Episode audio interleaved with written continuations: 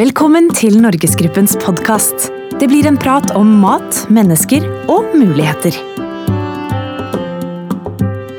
Ja, velkommen til eh, episode 13 i Norgesgruppens podkast. I dag så har vi eh, et tema som heter matturist i Norge. Og når vi ser ut av vinduet deres, så ser vi sola skinner, og vi er godt ute i juni. Og vi gleder oss eh, til å komme i gang med sommeren på, på godt. Og da gjelder det å komme ut på tur. Det er i hvert fall min ambisjon om å komme ut på korte og lange turer. Så har vi to gjester i studio. Eh, jeg tror de utfyller hverandre litt. Eh, den ene er høy, eh, den andre er litt lav. Den høye heter Nils, og han representerer Den norske turistforening. Hvor mange medlemmer er det, Nils? Ja, Vi hadde passerte 290 000 i, i, fjor, og vi regner med at nå at vi passerer 300 000 en eller annen gang ute på sensommeren i år. Det er blant de aller største organisasjonene med henhold til private Norges, Norges største friluftslivsorganisasjon. Ja. Og Den andre gjesten vår det er eh, Bernt Bukker Johansen fra Hanen. Du har ikke så mange medlemmer, men hvor mange er det som støtter opp om og er medlemmer av din interesseorganisasjon, Bernt? Ja, Det hadde vært noe hvis det var 300 000 lokalmatbedrifter i Norge. Det hadde vært flott. Det hadde vært stort. Nei, det er ca. 500 bedrifter. Ja. Og en typisk medlemsbedrift hos deg, han driver med reiseliv og mat og Mangesysleri. Ja. Overnatting, kanskje litt bespisning om sommeren. Produserer kanskje en skinke, kanskje en ost. Ja. Og særlig da selvfølgelig i Bygde-Norge. I Bygde-Norge. Ja. kan til og med være en verdensmester. Så bra. Da spør jeg deg først litt, uh, Nils. Uh, er uh, hva skal vi si, sommeren viktig for Turistforeningen? Litt enkelt, dumt spørsmål, men, men, men, men, er det sommeren det skjer? Ja, Det må du jo klart si. Altså, Den norske turistforening har 42 betjente hytter. og nå har vi totalt sett over 540 hytter landet rundt. Så vi er jo en eh, stor eiendomsbesitter også. Eh, og gjennom året så har vi ca. 450 000 overnattinger. Og vi kan vel si at 80 eh, av de overnattingene skjer i, fra slutten av juni nå og ut i slutten av september. ja. Og så er sesongen i gang. Hyttene er åpnet. og... Sesongen er i gang. Nå til helga så begynner de å åpne de kjente anleggene. Ja. Og utover i neste helg og sånn, så skal det meste være i gang. ja. Mm. Største betjente hytte, er det fortsatt Jensheim? I antall besøk så er det Haukeliseter som er den største. Ja, akkurat. Og eh, for deg, Bernt, sommeren betyr mye for dine medlemmer? Veldig. Vi har akkurat lagt fram vår eh, lille uformelle sommerundersøkelse eh, i dag. Og, og, det er sommeren det skjer. Det er der de skal, mange skal tjene pengene sine. Noen er jo helårs produksjonsbedrifter.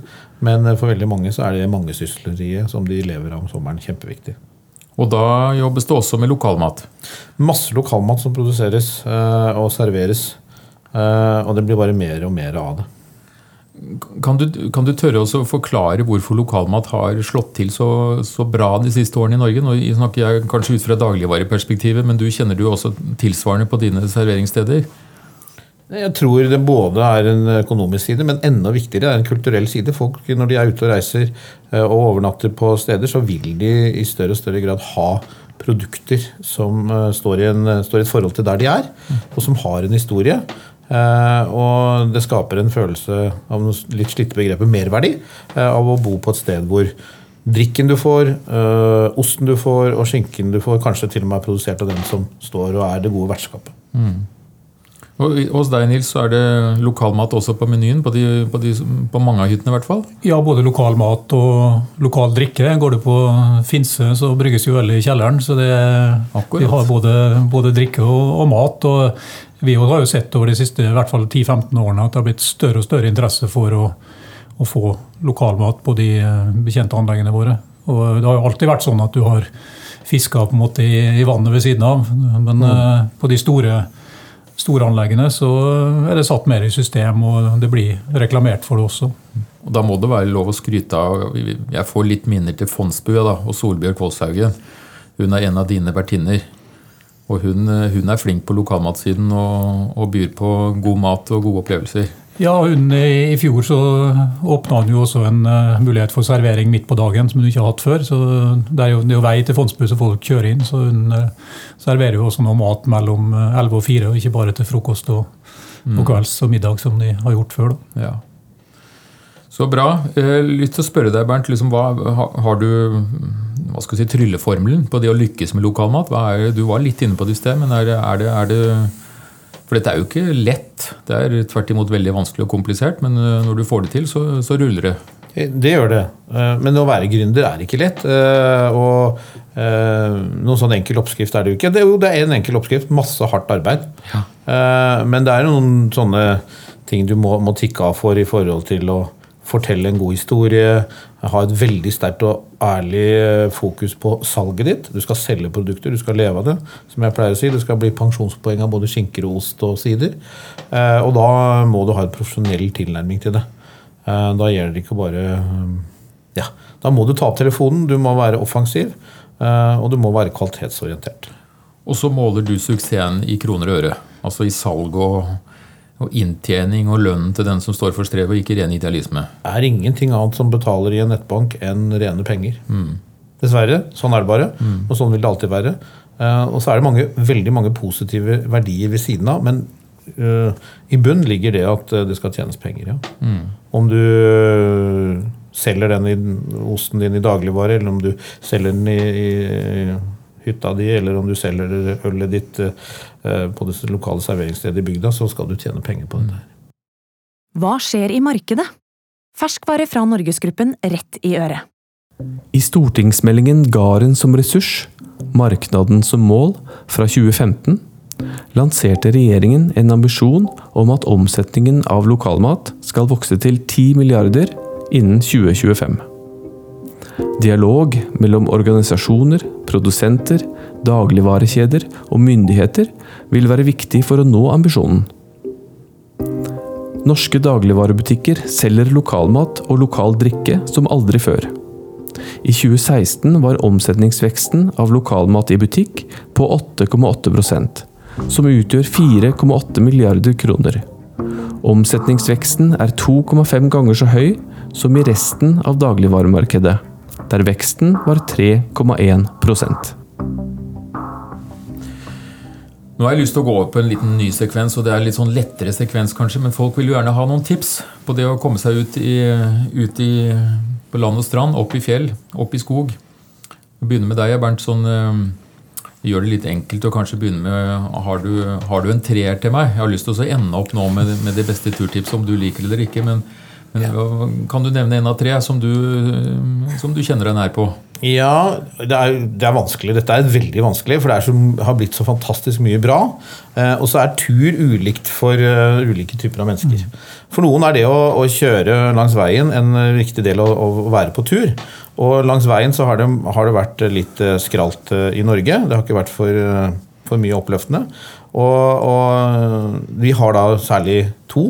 Jeg skal nevne den ene. Den, den i Valdres er godt kjent. Men vi har noe som heter Fåvangskroa. Ja, det er et fantastisk sted. Eh, det er nesten sånn Michelin-standard langs veien. Og da er vi nord for Lillehammer. Er vi nord for Lillehammer. Eh, fantastisk flink eh, eier som driver dette. Bare åpent torsdag til søndag.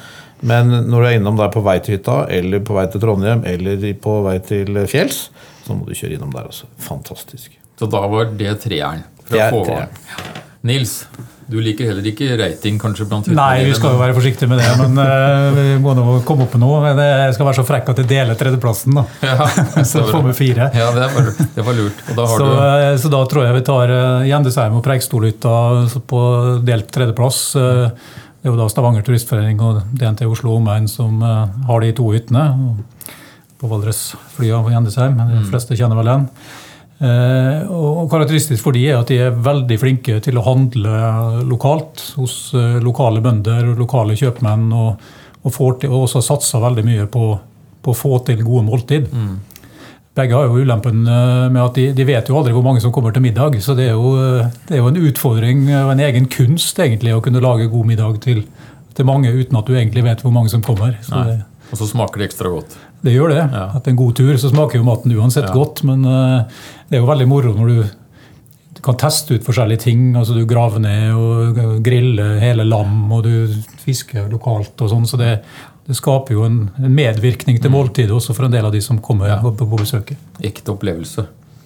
Så tilbake til deg, Bernt. Har du, har du en, en toer klar? Jeg har et helt område, faktisk. ja, så bra. Ja da, Det er jo Vågå og Lom. da. Det er jo et, ikke bare er det en framifrå kokk eh, som er fra Vågå som jobber i Lom, men, eh, men, hele området. Det er Hinseter, Valbjørg, Gard, det er veldig veldig mange. og Der er det sånn fantastisk at du, hvis du er full på den ene, så er det ikke så langt til den andre. Og du kan kjøre innom Brimiseter og få deg en konsert. og Det er et fantastisk område å være i. Mm. Og det er veldig nært til fjellet. Ja. Og vakre, flotte Jotunheim. Du holder deg til Gudbrandsdalen. Du kjører nå fra Fåvang og opp til Lommevågøya. Kommer noe mer helt på slutten. Jeg, jeg, gleder meg. jeg gleder meg. Kan komme innom hytta mi òg, så er du klar. det er bra. Dette kan bli en lang tur, Bernt. Det kan bli en lang tur. Ja. Ja, eh, to på tredjeplass, men da har, du en annen plass òg, Nils? Ja, da tror jeg vi faktisk beveger oss uh, i området rundt uh, Rjukan. Kalhovd turisthytte. Og det er litt fordi at vi har Vertskapet der var tidligere på Mogen i samme område, men har nå flytta til Kalhovd. Og med bakgrunn i de som jobber der, så vant de en kåring for tre år siden for vår beste mathytte. Et fantastisk vertskap som også har vært flinke til å ta inn ungdom til å være med og lage mat. Og eh, igjen veldig mye lokal eh, mat som de tar inn, og som de tilbereder på en utsøkt måte. Det er flinke folk. Ja, og nå er, vi, nå er, vi, på sydspisen av Hardangervidda. Ja, det er vi ja, Telemark Turistforening. Så du kan dra nordover og bare gå og gå. Ja. ja. Til slutt så møter du Bernt oppe i Jotunheimen. og så brum, brum, brum, brum, brum. Ja, Nummer ja. én, eh, Bernt? Virkelig skal eh, dra til ordentlig, så må jeg jo ta på en måte en, eh, to steder da, som er i begynnelsen og slutten av en reise. Og et område som jeg selv har vært mye i barndommen. Så det er fra Søre Hemsing i Vang i Valdres gjennom et fjellområde som DNT har vært med å utvikle, som når jeg var ung ikke hadde noen hytter. Og via noen DNT-hytter så ender man da opp på Fondsbu hos Solbjørn, selvfølgelig. Uh, turen er uh, lett og fin, uh, og du får fantastisk mat på Søre Hemsing. Et, et, Berit Nestad og Arne er fantastiske vertskaper. De har bidratt i årevis. Nå er det ikke sikkert de kommer til å drive så mange år lenger. Så det er i år, hvis du skal virkelig oppleve noe fantastisk noe, på lokal mat, på autentiske gårdsbygg, så er det år å gjøre det. Og så er jo Solbjørg der, og hun kommer til å være på Fondsby mange år fremover. Så det å starte opp på Søre Hemsting og så gå over Thomasheller'n og Yksendalsbu og ende opp på og Solfrid på Fondsbu, det er uh, ditt første valg? Det er definitivt. Høres krevende ut, men uh, Nei da, dette er fantastisk. Så bra. Og så kan man da innom, eller gå innom uh, Sandalen og besøke noen uh, Seterkjentens søndag der, så mm. kan man virkelig få svung på det hele. Så bra. Dette hørtes velkjent ut. Ja, Turistforeningen? Nei, Da tror jeg vi beveger oss oppover uh, egentlig i aksen uh, Gol-Ål og havner oppover på Jungsdalshytta. Ja. Som vel må karakteriseres som de som har det mest bredde i tilbudet sitt. Der har vi budeiekurs og vi har rakfiskkurs. Der er det virkelig sånn deltakelse fra de som, som, kommer, med mye aktivitet i tillegg til det de serverer der oppe. Så de har satsa skikkelig på solid matservering. altså. Og så har han litt teater òg? Ja, det er, han finner på alt mulig ja, der oppe. Sånn skrømt som går igjen der ja, ja, ja. Det er opplevelser i alle kategorier der oppe. så det er, det er mange som har vært oppe der og prøvd å være budeie for første gang, både i mannkjønn og hunnkjønn. Så, det... så bra.